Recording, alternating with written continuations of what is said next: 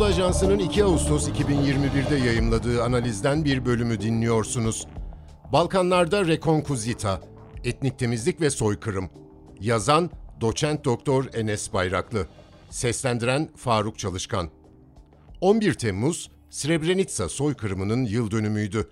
Birleşmiş Milletler tarafından güvenli bölge ilan edilen Srebrenica, 11 Temmuz 1995'te Sırp güçleri tarafından ele geçirildi.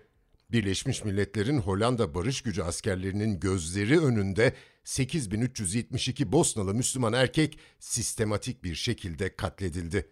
Holokost felaketinden sonra bir daha asla diyen Avrupa'da yeni bir soykırım yaşandı.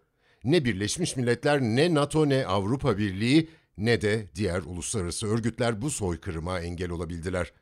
Srebrenica ve Bosna Hersek'in genelinde Müslüman boşnaklara yapılan soykırım ve etnik temizlik, Balkanlar ve Doğu Avrupa'da yaşanan ilk soykırım ve etnik temizlik değildi.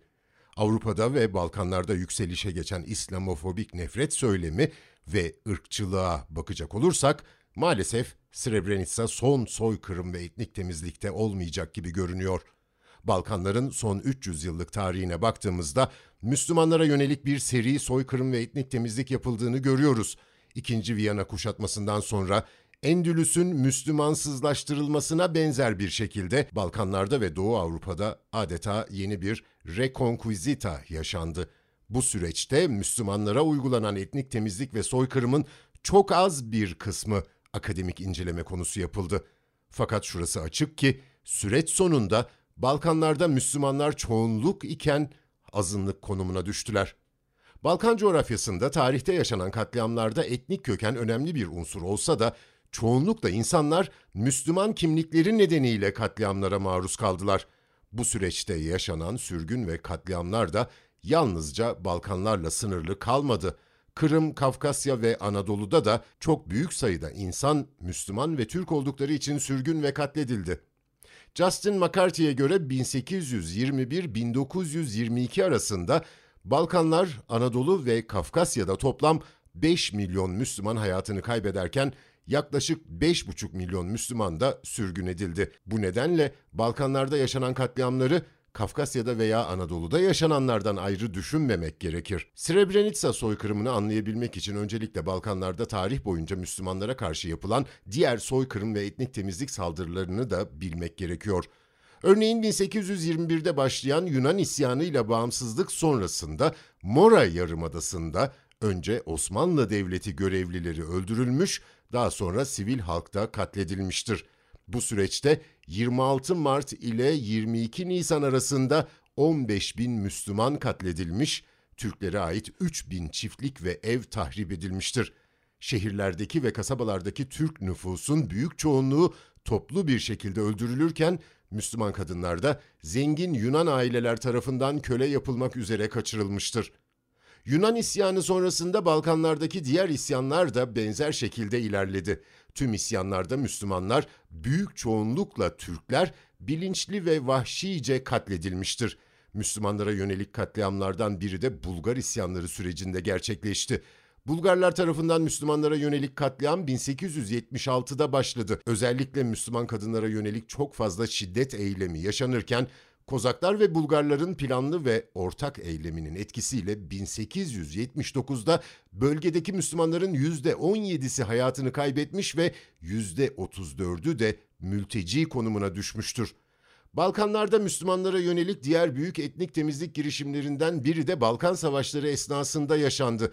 1911'de Balkanlarda Yunanistan, Bulgaristan ve Yugoslavya'yı içine alan bölgede yaşayan Müslüman sayısı 2 milyon 315 bin 293 iken Balkan Savaşları sonrasında bu bölgede kalan Müslüman sayısı 870 bin 114'e düştü. Genel olarak Balkan Savaşları ile bölgede yaşayan Müslümanların %62'si ölüm ve etnik temizlik sonucu yok oldu. Osmanlı Avrupa'sında yaşayan Müslümanların da %27'si yalnızca Balkan Savaşları sırasında hayatını kaybetti. Balkan coğrafyasında Müslümanlara yönelik katliamların en yakın tarihli olanı ise Srebrenica soykırımı oldu. Yugoslavya'nın dağılmasının ardından sınırların yeniden çizilmesi sürecinde Sırp milliyetçiliği Büyük Sırbistan hedefine ulaşma yolunda Boşnak Müslümanları asli tehdit unsuru olarak görmüştür.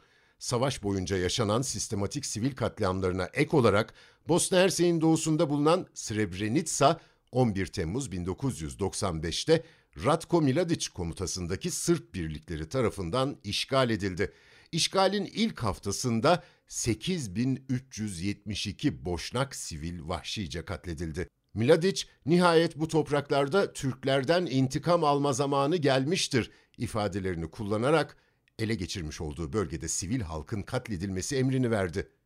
Günümüze bakıldığında da dünya genelinde olduğu gibi Balkanlarda da Müslüman karşıtı ırkçılık olarak tanımladığımız İslamofobinin ciddi boyutlara ulaştığını görebiliriz. Avrupa'da aşırı sağın ve İslamofobinin yükselişi konusunda özellikle mülteci meselesinin büyük etkisi olsa da Balkanlarda çoğunlukla tarihsel süreç boyunca aynı toprakların paylaşıldığı Müslümanlara yönelik saldırılar gerçekleşmekte. Balkan ülkelerinde de ibadet merkezlerine ve Müslümanlara sözlü ve fiziksel saldırılar gerçekleşiyor ve Müslümanlar ciddi bir tehdit olarak görülüyorlar. Müslüman karşıtı ırkçılık her geçen gün daha fazla görünür hale geliyor ve söylem bazında saldırılar zaman içerisinde fiziksel saldırılara dönüşüyor. Daha da kötüsü Müslüman karşıtı ırkçılık normalleştiriliyor. 2019'da Srebrenica soykırımı inkarcılarından Peter Handke'nin Srebrenica soykırımıyla ilgili eski Sırp lider Milošević'i öven sözlerine rağmen Nobel Edebiyat Ödülü alması Srebrenica soykırımından halen ders çıkarılmadığını ve soykırımın normalleştirildiğini göstermekte. Bu gidişata bir dur denilmezse Srebrenica soykırımının Balkanlarda Müslümanlara yönelik yapılan ilk soykırım ve etnik temizlik olmadığı gibi maalesef sonuncusu da olmayacağını söylemek mümkün.